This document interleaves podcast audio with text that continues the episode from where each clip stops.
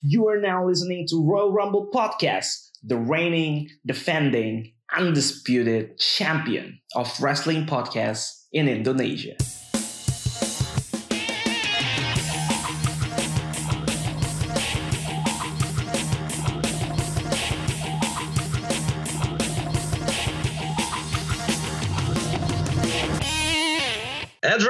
In my soul, WrestleMania is all over. Baik lagi kita sama Royal Rumble Podcast. Tentunya masih sama gue Alvin. Dan gue Randy. Uh, gimana Ren? WrestleMania 38 dan ya, gitulah ya. Dengan segala gonjang ganjingnya. Hmm, kita coba ini ya, kita coba jadi Dev Meltzer, kita coba nilai kalau menurut lu 1 sampai 10 ratingnya berapa? Gimana ya, kalau secara keseluruhan 7,8 lah. 7,8. Agak nanggung ya. Ya udah nggak apa Nanggung emang. Uh, seperti emang seperti emang acaranya nanggung. iya ya agak aduh agak kentang ya sebenarnya tapi ya udah nggak iya. apa-apa. tapi kalau dari gue, gue 8 sih. Gue 8 dari 10. 8 ya. 8 okay. ya. Beda, ya, beda 0,2 lah. lah. Uh, iya, iya. Kan kalau dibulatin jadi 8 deh. Benar. Uh, kalau dari show-nya sendiri dua hari itu sebenarnya di atas ekspektasi lo atau di bawah ekspektasi lo sebenarnya? Hmm, di atas ekspektasi gue dikit sih sebenarnya. Di atas. Di beberapa ya, di beberapa ya, nah, di beberapa. Di Tapi beberapa ada ya. yang di bawah juga gitu. Yang gue tahu yang mana sih kayaknya. ya beberapa ada lah ya. Ya oke. Okay. Kalau gitu, gue kemarin sempat nanya di Twitter juga sama di Instagram hmm. juga tentang yeah. gue minta teman-teman semua untuk ngasih tahu best match dan worst match versi mereka itu apa aja dan juga uh, best momennya di WrestleMania kemarin apa aja dan kayaknya sih dari semua respon yang masuk ini ada pemenang clear winner di sini gue nggak tahu apa kalau sama atau enggak kalau hmm. buat lu best match dari dua hari WrestleMania itu yang mana sebenarnya kalau mau entertaining sih Cody Rhodes sama Seth Rollins sih entertaining sih itu itu seru sih. Ya, ya, Tapi ya, ya. AJ Styles sama Edge juga menurut gue seru juga. Kalau harus uh, pilih satu satu aja. Pilih satu, pilih mana ya? Ya mungkin ya kalau sama dengan faktor uh, ke kemeriahannya sih Seth Rollins sama Cody Rhodes sih lah gue merasa itu kayaknya paket komplit jadinya. Ya, ya, ya itu itu memang ya, ya, banyak ya. yang pilih itu sih. ya kok, kok uh, uh. Kalau kalau lu ada pilihan yang sama atau beda nih? Gua sebenarnya juga jawabannya ada dua ya. Kalau purely in ringnya aja, emang gue setuju gue juga bakal milih Seth Rollins lawan Cody Rhodes. Tapi kalau kita pertimbangkan sisi build up dan story lainnya, gue gua walaupun gua nggak nonton full ya gua gua ketiduran nih karena cukup pagi udah WrestleMania ya jadi gua iya.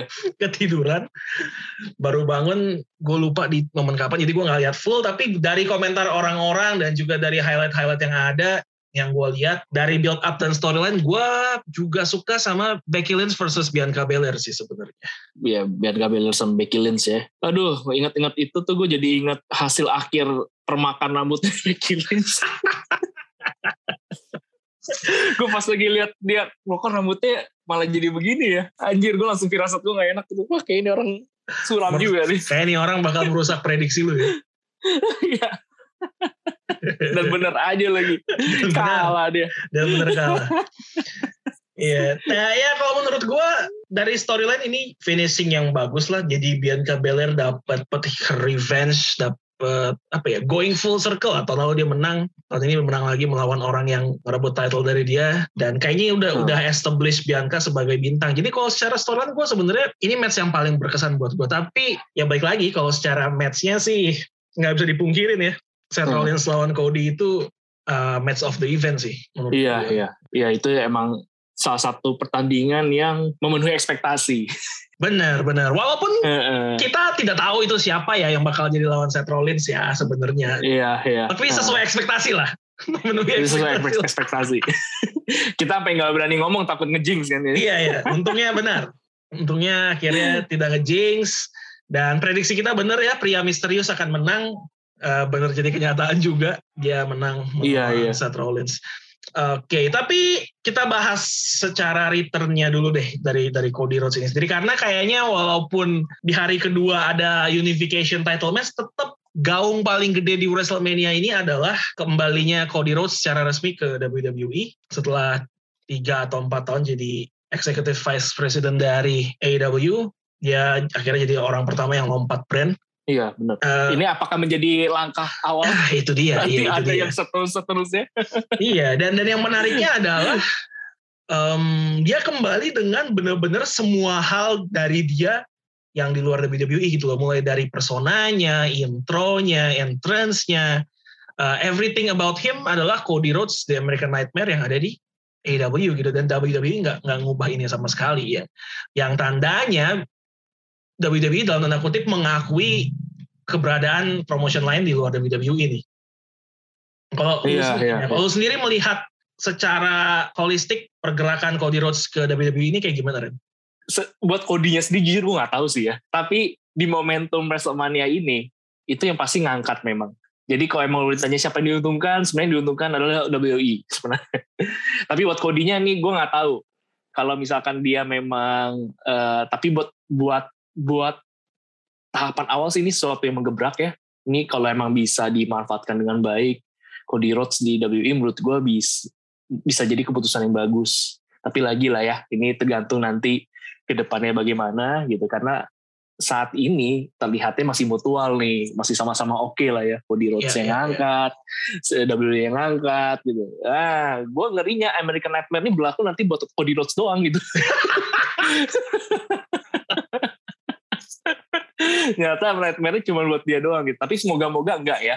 Moga-moga enggak gitu. Karena yeah, yeah, yeah. moga-moga aja Cody Rhodes ini seperti Drew, Main, Drew McIntyre gitu ya. Setidaknya bener, ada progress gitu. Dan dan dia sebenarnya kan juga WWE superstar yang nggak diraguin lagi lah performanya gitu. Jadi gue berharap sih dia akan oke okay ya dengan berharapnya gue oke ini jadi gue ngerasa perpindahan dia ke WWE itu bisa jadi hal yang oke okay buat perjalanan karirnya uh, Cody Rhodes ya tapi ya nggak tahu lah gitu. Iya. Iya lu lu menariknya mention nama Drew McIntyre gitu.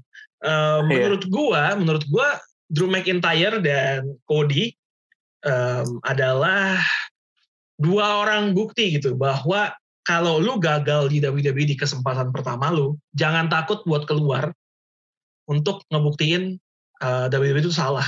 Lu bikin karir yeah, yang bagus yeah. di luar, di promotion lain, uh, bikin lu sampai segede itu sampai WWE nggak bisa ignore lu lagi dan mereka akhirnya manggil lagi dengan memberikan um, positioning sebagai superstar yang lebih tinggi dan tentunya bayaran lebih tinggi juga. Ini sebenarnya kayak kayak di kantor gitu ya lu keluar dari kantor lama lu yang mungkin gak appreciate lu terus lu karir lu melesat karir lu melesat dan kantor lama lu manggil lagi naik jabatan dan kasih gaji yang lebih tinggi gitu. Iya iya iya. Uh, tapi dengan ini ya satu kondisi uh, ki peginya pun juga bukan pergi yang gimana ya gitu ya.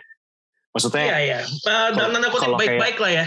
Baik-baik lah ya bener. Uh, kan kalau kayak si Empang nggak tahu lah tuh ya gimana ya John Moxley nggak tahu gimana walaupun belum lama ini ada ini ya uh, Seth Rollins sempat ditanya soal John Moxley kan dia bilang ya never say never lah. Um, John Moxley menurut gua keluarnya baik-baik sih. Um, bahkan Masih baik -baik WWE ya, ya WWE ngerilis statement kan buat buat si masih John ada, Moxley. masih masih ada kayak ini ya uh, masih ada kayak appreciationnya gitu ya? Iya iya iya. Masih ada hmm. appreciation yang kalau orang yang kontraknya habis dan nggak perpanjang biasanya kan nggak dapat apa-apa tuh. Kayak Iya. Brian Danielson juga seingat gue nggak dapet deh. Ya yang dapet tuh yang dikat-katin tapi bukan bukan well wishes sih, cuma informasi doang. WWE has part ways with ini udah gitu doang.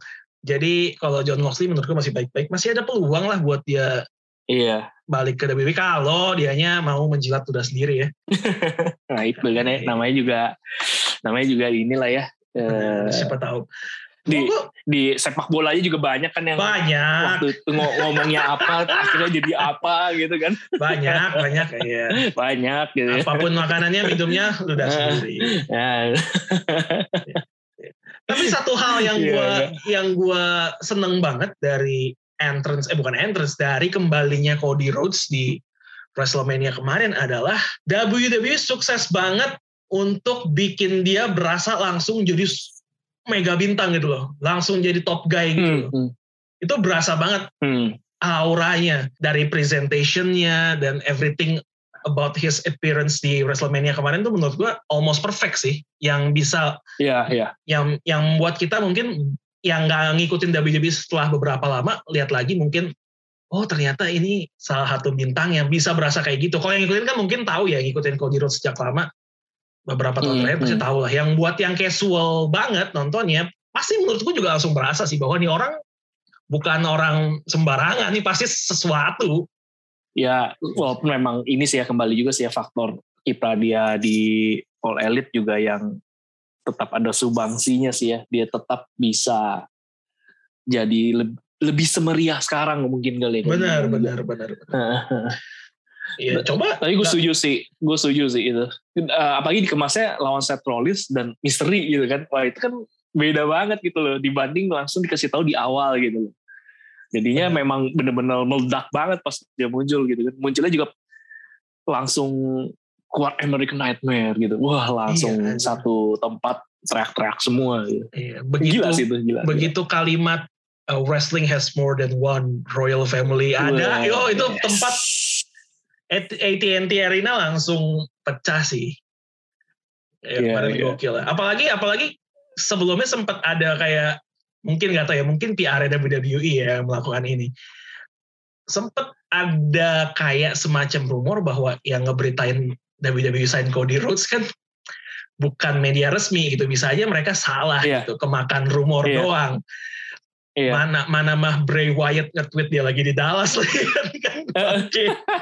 orang kan jadi bertanya-tanya oh jangan-jangan bukan Cody gitu tapi orang lain eh, tapi pas di reveal Cody Rhodes kemarin ternyata eh, masih reaksinya masih luar biasa sih dan dan gue yakin ya cepat atau lambat dia pasti dapat run sebagai top guy di WWE sih Benar, benar. Tapi mungkin kayak meruntuhkan orang yang sedang hebat-hebatnya saat ini. Um, ini agak susah. Ah. Ter- menurut gue tergantung kapan. Kalau sekarang gitu ya, mungkin abis ini langsung programnya Roman Reigns lawan Cody Rhodes, gue nggak yakin, gue nggak yakin. Gak yakin ya. Gue nggak yakin. Gak yakin. Tapi Hmm. kalau terjadinya satu tahun lagi, menurut gue bisa banget, Mungkin banget ya. bisa banget, Bisa banget. tuh. bisa banget. Dan Hmm. bahkan bukan hanya Cody berarti ya. Dan iya ya, dan di benak gue sebenarnya yang bakal dethrone Roman Reigns menurut gue saat ini bukan bukan bakal Cody sih. Gue gue punya satu nama lain yang kayaknya menurut gue cuma dia saat ini yang punya kredibilitasnya. Oh.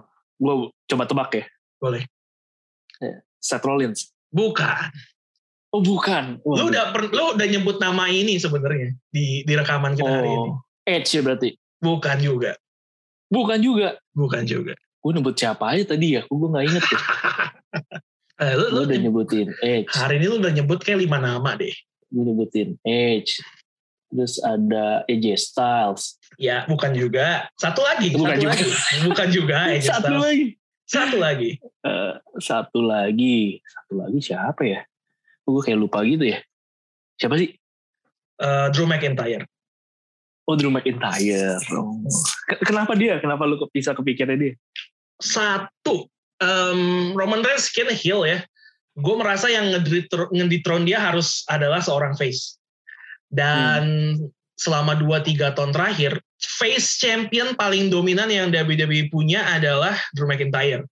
Kedua, fakta bahwa kayaknya WWE lagi mau nge-rebuild momentumnya Drew McIntyre lagi dengan memberikan hal yang udah pernah kita bahas juga, Suatu yang spektakuler berarti suatu harusnya. ya. yang harusnya cukup Hmm. spektakuler yaitu adalah dia diberikan kesempatan jadi orang pertama yang kick out dari end of days-nya Happy Corbin. Uh, Hmm. menurut gue ini ini ini adalah momen awal momentum Drew McIntyre kembali terbangun sih menurut gue harusnya itu. Iya, iya, iya. Nanti pada pada lawan Roman Reigns-nya dia berhasil juga orang pertama yang bisa bertahan dari guillotinnya Roman Reigns. Benar, benar. Benar. makin hebat dong. makin hebat, makin hebat ya. Dan dan, dan gue sangat sangat pengen itu terjadi sih karena seperti yang gue bilang di episode lalu, gue pengen banget ngeliat Drew McIntyre jadi juara di depan live crowd gitu. Mhm. Karena belum pernah kejadian nih. Kemarin dia juara dua kali di saat masih Thunderdome. Iya. Ag- Agak-agak nanggung gitu ya. Belum Agak lengkap gitu. kentang iya iya. Kasihan Iya, lah dia. nggak lengkap ini. Mhm. Kasihan lah. kasihan. Iya, iya, iya.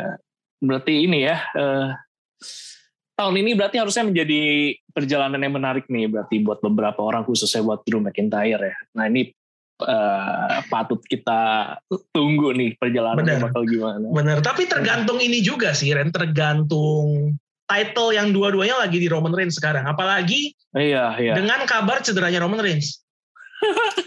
nah ini bikin jadi kalau bener dia cedera dan harus absen cukup lama, ini pasti tim kreatif lagi, wah lagi ngamuk-ngamuk Susah lagi. payah. Iya iya, Heeh. lagi lagi stres Lagi banget. lembur dia. Lagi lembur sekarang. Lagi lembur. Untung nggak di negara sini dia, nanti bisa nggak lebaran nanti. Iya loh, makanya pasti lagi nyusun plan Lembur baru karena semua plan Hmm. kemarin nggak kepake. Eh, i- isunya dia cedera apa ini? eh bahu karena Bahu, ya. kemarin pas di WrestleMania sempat ada foto-fotonya juga bahwa bahunya tuh kayak swollen tapi swollennya parah banget. Mhm. Nah, bah- eh, di re- rekaman videonya juga ada Brock Lesnar pas match kemarin nanyain Roman Reigns are you okay gitu. Gitu ya. Seorang Brock Lesnar aja sampai nanya begitu ya. Iya iya iya. Heeh. Are you okay? Karena gue mau Jerman suplex lagi. Makanya makanya kemarin kan dibilang dibilang em, bukan dibilang ya. eh, kita semua ngerasa deh matchnya agak kentang. Iya, iya, iya. Iya kan? Matchnya tuh aja kok gini doang ya. Ah, emang ngebosenin sih. Boring, boring. Agak ngebosenin, iya. Kita udah pernah lihat ini Semuanya, eh, eh, semuanya tuh kayak ini cuman lu kayak dapet paket paket KFC sama paket AW aja gitu yang kita udah tahu isinya apa aja gitu loh.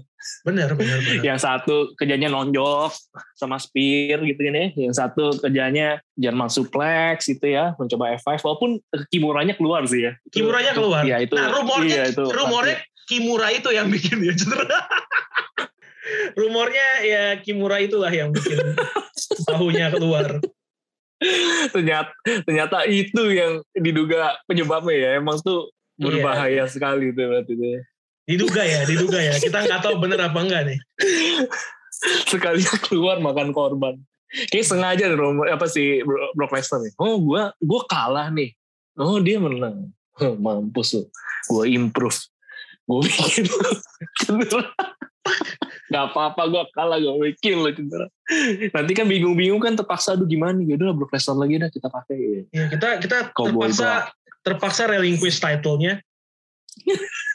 Siapa ya yang bisa jadi juara selanjutnya? Brock Lesnar. Gila, berarti Kembali Roman. Reigns kalau emang bener kayak gitu, dua kali dia rally quiz. Gara-gara satu sakitnya, gara-gara satu lagi sakit juga sih, tapi ya Iya beda tempat.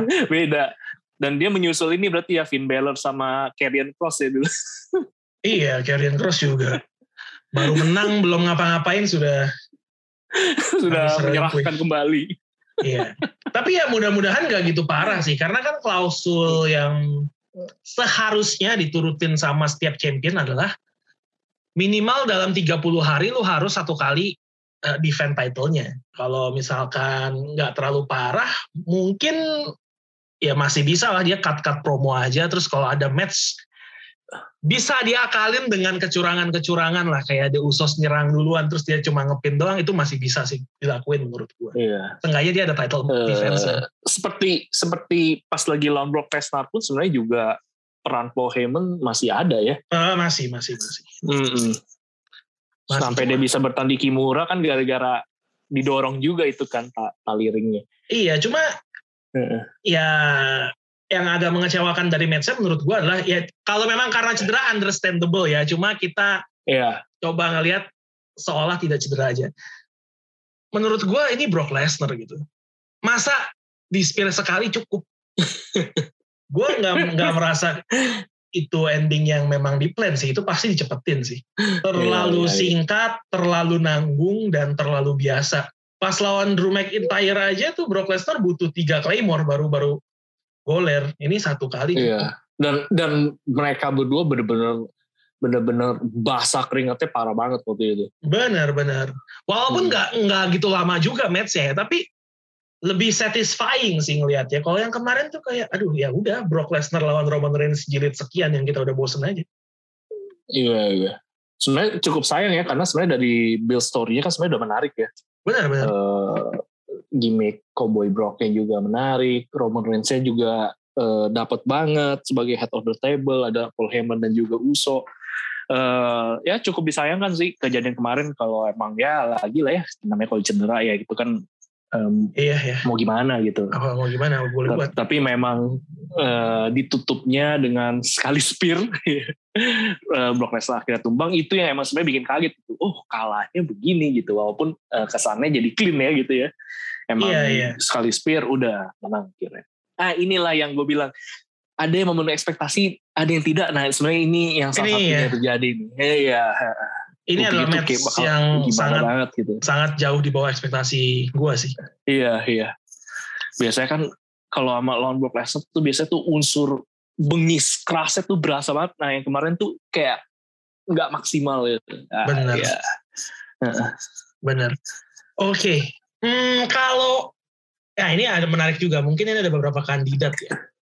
Kalau menurut lu nih kita kesampingkan dua match tadi match terburuk di dua hari WrestleMania ini menurut lu yang mana? Match terburuk ya. Match terburuk. Gua gua seburuk-buruknya Roman Reigns lawan Brock Lesnar kemarin, menurut gua ada yang lebih buruk sih. Sebenarnya kayak uh, New Day nggak nggak oke okay juga menurut gua. Oh iya, menurut gua itu terburuk sih. kayak ya ya ya apalah itulah ya ya udahlah mau mau gimana gitu Uh, iya, iya. Gue nggak tahu plan awalnya kayak gimana ya, karena ini match kan supposed to be di hari pertama, terus pertama bener digeser ke hari kedua. Apakah karena time slotnya terbatas, jadi dibikin squash match kayak gitu? Um, dan gue juga yakin ini nggak akan berpengaruh apa pun terhadap reputasi New Day sebenarnya. Cuma kayak iya. nggak nggak menyenangkan aja sih buat dilihat New Day di dibantai cepet kayak gitu, walaupun ada bener-bener sayang aja gitu dengan talent-talent yang ada e, berakhirnya begitu aja gitu loh. Kan kita kan di hari kedua gitu loh. Kalau semuanya itu bikin kita merasa semakin naik nontonnya kan itu kan seru banget gitu. Benar. Tapi ya ini aduh ya udahlah mau apa dikata lah ya sudah kejadian juga. Tapi menurut iya. gue ya itu kurang memuaskan. Sebenarnya tag team yang cowok emang agak-agak kurang gimana sih ya? Uh, iya ya, menurut gua menurut gua um, good but not great lah. Iya. Uh, yang Nakamura juga agak-agak sih. Oh, kalau Nakamura karena karena buksnya cedera di awal-awal. Iya, jadinya juga nggak maksimal. Nggak gitu kan. maksimal kan. bener. Uh, uh, ya tag teamnya kali ini malah kurang greget gitu. Jadi kalau tag team yang cewek ya gimana menurut lo? Tag team yang cewek justru menurut gue masih uh, masih masih masih oke okay lah walaupun nggak sampai yang gimana banget gitu. Tadi tadi gue berharap kan uh, orangnya kan keren-keren semua lah nih ya.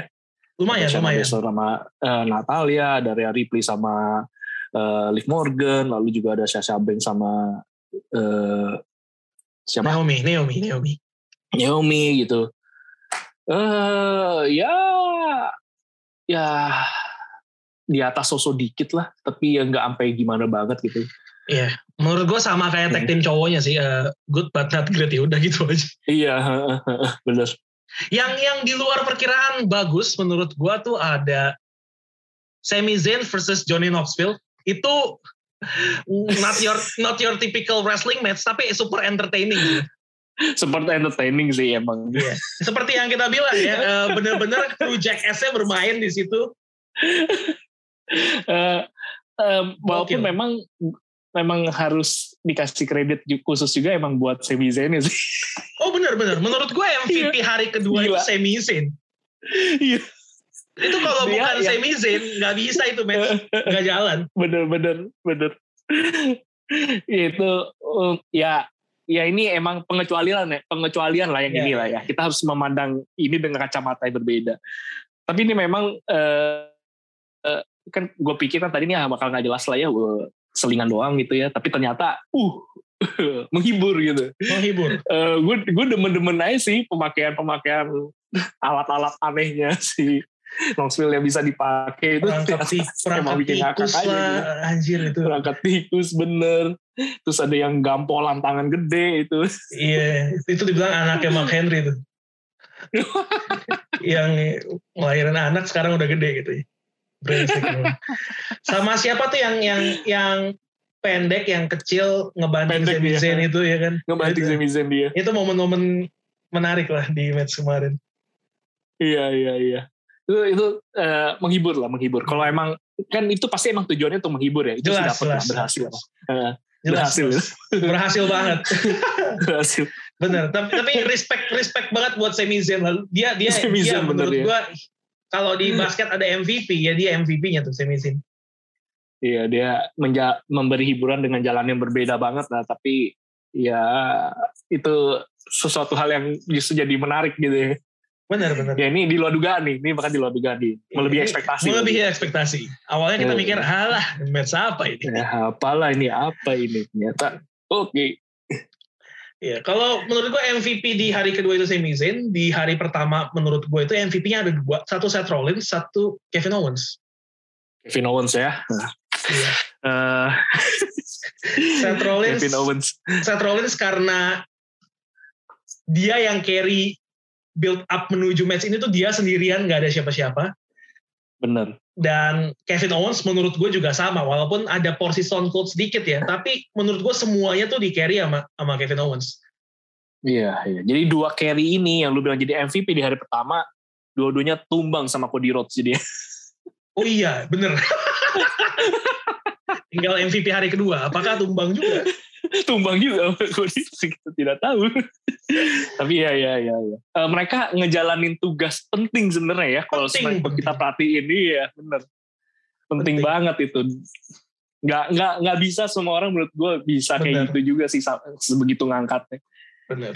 Kevin Owens sama Stone Cold juga seru banget sih seru. Iya, gimana menurut Kayak- lo return dari Stone Cold Steve Austin?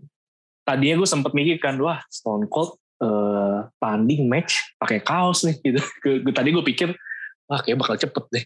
Oh ternyata enggak juga gitu. Ternyata nggak? Seru ya. Iya, Iya. mas- masih seru lah. Masih menikmati gitu.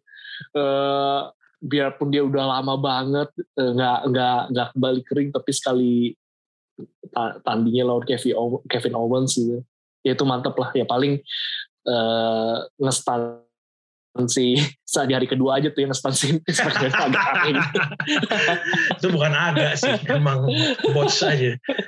Botch ya. Udah bots aja memang. Tapi gue yakin lah pemilihan stipulasi no holds barred-nya itu ya untuk menutupi limitasi Stone Cold yang udah lama nggak diri Iya, sih. iya. Ya, ini kan banyak Iya. banyaknya banyak striking, banyak penggunaan eh, alat ya, dan Stone Cold-nya juga nggak begitu banyak taking bump. Ada sih beberapa ada kena suplex ada, ada tapi nggak banyak lah. Itu memang iya. dipilih untuk melindungi Stone Cold sih. Ya hari pertama menurut gue expected, yang yang rada unexpected menurut gue kemunculan Stone Cold di hari kedua. Em, tapi tapi gue mau tanya nih, di momen apa lu mulai berpikir nih kayaknya Stone Cold bakal keluar lagi? Lu sempat mikir gitu atau emang enggak? Jadi pas ketika dia muncul lagi lu terkejut? Eh, sebenarnya gue bisa eh, ada kemungkinan pikir itu keluar pertama itu masih di tempat yang sama itu tempatnya Stone Cold lah ya kan ya. Iya iya iya. kedua ada Vince McMahon Iya itu dia tuh enggak. begitu begitu ring kalau gue ya begitu ring dibunyiin tanda matchnya si Pat McAfee sama Vince McMahon dimulai di situ gue udah yakin banget itu wah ini sih endingnya pasti Stone Cold keluar lagi nih untuk stun Vince McMahon. Dan gue tweet benar dua menit kemudian kejadian. Eh, apa? Dan selalu makan korban deh Iya iya ya. ya pokoknya kalau Stone Cold ngajak lu minum bir di tengah ring, mendingan jangan. mendingan jangan Ya, kecuali emang cita-cita lo adalah kena standar ya, terserah lah. iya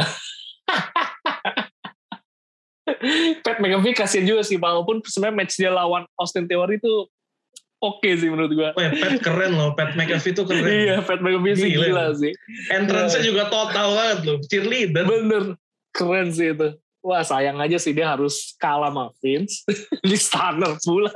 Di standar pula. Berarti Udah gitu- dua komentator nih dikena stunner iya, Sama- Byron Sexton sama Stone Cold. Iya. Pat McAfee. Udah gitu yang lucu Pat McAfee itu pas udah golnya tiduran masih minum bir kan si si, si anjing emang. Si anjing emang. eh. Enggak, dia kayak baru nonton WWE gitu. kayak baru lihat Stone Cold gitu loh. Iya. Eh tapi tapi Dia tapi lupa emang ya. lupa ya lupa. Atau atau mungkin kalau Lupa kita dia. jadi komentator di sana, Stone Cold ngajak naik minum bir, Ih, gue pasti naik. Mau nggak mau nggak bisa nolak. Iya ya. dong, nolak pasti naik sih. Eh, eh. Gue gue Iya. malah akan mikirnya, oke, gue pasti kan di stunner nih. Gue harus jatuhnya kayak gimana? Selling gue Wah, harus lu mesti kayak gimana? selling sellingnya harus oke emang ya. Iya. Kayak Austin Enggak lu Theory lihat kan? sih Austin Theory? Iya iya. Ah, kayak Austin Theory kan? Yang tribute to Scott Hall. Tapi kayaknya emang orang tuh berlomba-lomba tuh nggak sih Ren? untuk untuk nge-sell Stone Cold Stunner yang keren. Tapi tetap Paling- gak ada ngalahin The Rock sih. Iya, Bisa itu. sampai sampai salto lagi. lebay sih anjing gitu emang. Ya itulah sport entertainment ya. McAfee juga keren sih menurut gua. Dia literally kayak ke stun gitu. iya. Jatuh pelan-pelan. Sambil ada Iya, efek muncrapan bir itu kan. Bener. Bahkan Byron Sexton aja tuh mencoba lompat-lompatan sebenarnya. iya, iya. Cuma Gila, gila, gila. ya cuma Vince McMahon aja sih yang udah ya udah nggak bisa lah ya, udah umur. Udah umur. Ditendang aja Stone Cold mentalnya aja. jauh banget. Stone Cold Cold aja dijaga apalagi Vince McMahon yang udah Iya. udah lebih senior. kan nggak lucu kan nanti kalau lehernya keplitek nanti. Iya bener. Kasian. Tapi badannya masih tetap prima ya itu ya. Vince ya? ya. Iya. Iya, itu kata kemarin di Twitter dia ngomong itu itu berkat tiga hal. Satu Oh, iya. olahraga rutin, Hmm. dua uang, Iya. tiga steroid Ya ujung-ujungnya steroid yang berbicara. Ya, masuk akal sih, masuk akal sih. Iya. Masuk akal. Wah, menarik, menarik, menarik ya. Terus nih ya, gue mau nanya lagi soal ini Ren sebenarnya. Tadi udah beberapa match yang melebihi ekspektasi kita udah sebut lagi. Nah ini satu gue mau tanya pendapat lu. Melebihi atau di bawah ekspektasi? Charlotte versus Ronda Rousey. Ini ya. Ah, ya ini juga buat gua sama lah ya, nggak nggak ya biasa aja lah, good Ya, aja ya, lah. Ya, bener, Gue bener, malah, malah, malah apa ya, menurut gue agak mengecewakan kalau buat gue. bener, bener, bener. Eh, gua nggak ngerti sih lah ya ini kendalanya apa. Ronda Rousey-nya juga begitu-gitu aja. Charlotte-nya ya sebenarnya juga ya Charlotte ya match kan setidaknya dia cukup all out lah ya biasanya. Tapi ini gue ngerasain juga kayak nggak terlalu yang gimana. Gue nggak ngerti apakah ada faktor rondanya atau gimana. Gue nggak ngerti. Ya gue ngerasanya bu. Sebenarnya kalau mau mau le- mau lebih mereka masih bisa harusnya. Gue ngerasanya. Iya, apakah disimpan gitu karena kemarin juga finishnya kan ya gitu aja kan. Gitu aja bener. Apakah disimpan Eh. gitu ya. gue gue juga nggak nggak ngerti deh nih eh, rondanya juga maksudnya maksudnya emang kayak di bakal ada lanjutannya kah atau apa gue jadi makin nggak ngerti juga sih tapi ini bakal lanjut gak sih menurut lu? Kayaknya sih. masih ada berlanjut gak nih Kayaknya sih iya ya, kayaknya. Em, berarti kita masih akan melihat Charlotte sama Ronda Rousey nih Iya walaupun gue agak males sih. Kayak karena kayak yang gue bilang ya, ini orang dua-duanya promo bukan kelebihan mereka lah. Kelebihan mereka ada di in ringnya. Makanya gue expect iya iya ya oke lah build up-nya gue gak gitu enjoy tapi at least in ringnya kasih gue yang yang memuaskan gitu. Tapi ternyata tidak disuguhkan juga. Kecurigaan gue adalah disimpan. Jadi nggak mau total buat di sini yang yang mana rada aneh karena ini WrestleMania masa lu nggak total gitu. Ma- makanya kalau disimpan buat apa juga gitu padahal kan lagi mau, mau apa event gede banget gitu Makanya itu dia gue eh, agak bingung gitu. Menurut gue Ronda Rousey sebagai fighter is okay tapi WWE atau pro wrestling adalah hal yang berbeda. Lu bukan cuma harus berantem tapi harus storytelling gitu melalui gerakan-gerakan yang disuguhin di di ring dan dia menurut gue dia masih harus improve di sisi itu. sebenarnya ini PR besar ya buat buat dia ya karena Menurut gue PR sih, PR. Eh, karena nam, sebenarnya kan dia udah diuntungkan dari nama besar ya udah maksudnya siapa yang udah nggak tahu Rowdy gitu kan terus eh, bekas juara UFC gitu ya. secara image tuh udah udah sangar banget lah Ya, ya. kalau begini terus sih emang menurut gua wah lama-lama sih berat juga gitu dia kalau bajunya aja udah segitu ya Iya, kita udah udah peringatkan nih Ronda Rousey. Jangan masih dipakai. Nah, gitu. Dan gue nggak tahu ya, Jadi, apakah kalau di MMA dia tuh kayak gitu, bukan bajunya ya, eh ininya Ren, make upnya. kayak sama deh no make up deh Di Kurang lebih kayak gitu juga di deh. MMA dia kayak gitu juga. Maksudnya kalau tiap tiap Ronda Rousey versi PPV, gue nggak tahu dia selalu pakai kayak eh, makeup mata yang menurut gue Matanya tuh jadi ini banget ya. Kayak apa eh, ya lumayan heboh lah ya. heboh Bisa heboh. ada kayak eh, Iya. gue nggak tahu gitu, namanya, gue nggak tahu namanya apa ya di, di versi makeup ya. Cuma gue nggak seneng aja sih ngeliatnya kayak ngapain sih? kayak yang lain juga nggak gitu-gitu amat. Ya dia ini banget gitu kayak Jadi ini mohon maaf nih, mohon maaf. Mungkin kan maksudnya mau kelihatan sangar ya. Buat gue jadi ra- iya. rada kelihatan tolol aja sih kalau buat gue. apalagi dengan eh, outfit yang kayak gitu ya jadinya ya apa nanggung Iya, iya. gitu. Ini, ini kalau ada fans Ronda Rousey, ya mohon maaf nih ya, gue gue sih cuma bilang aja pendapat gue, ya nggak apa-apa juga kalau suka Ronda Rousey. Ya memang dia belum maksimal juga sih di WWE dan nggak tahu deh dia kalau mungkin ada perubahan gimmick kira-kira apa yang menarik nih buat Ronda Rousey ini? Untuk Menurut gue sih, menurut gue kalau secara gimmick kayak udah nggak nggak nggak berubah ya, udah nggak bisa Gitu-gitu berubah aja terus juga ya. Mm-mm. Eh, diimprove aja lah kemarin yang dari kemarin udah kita bilang mengenai promonya, mengenai character worknya, mengenai eh, how to tell a story in a match dan outfitnya tolong diimprove juga. Itu aja sih kalau Ronda Rousey buat gue. Iya iya iya iya setuju sih. Oke, Nah, eh, kalau kita ngomongin WrestleMania, tapi juga kita nggak bisa nggak ngomongin The Raw after Mania, walaupun The Raw after Mania. Iya, walaupun menurut gua rada underwhelming, tapi ada beberapa hal menarik lah di Raw After Mania yang kemarin. Yang pertama, confirm Edge dan Damian Priest menjadi stable ya. sebuah stable. Dan ke- katanya sih Hmm. rumornya bakal nambah member. Wah bakal nambah member. Benar. Ada afiliator juga nih. Ada kayaknya. gue nggak tahu. Ada Ada kayaknya ya. juga. Ada agennya penyalur-penyalurnya ada kayaknya. Iya. Wah, Eh, siapa nih orangnya kalau emang ada orang ketiga nih? Nah, ini berkaitan juga ya. Ini berkaitan dengan hal menarik nomor dua, Ren. Hmm. Kalau kemarin prediksi gua yang ternyata nggak jadi kenyataan bahwa tag team yang akan pecah setelah WrestleMania itu adalah RK Bro, Iya, yang ternyata solid-solid saja, solid-solid saja, tetap akrab ya. tetap akrab.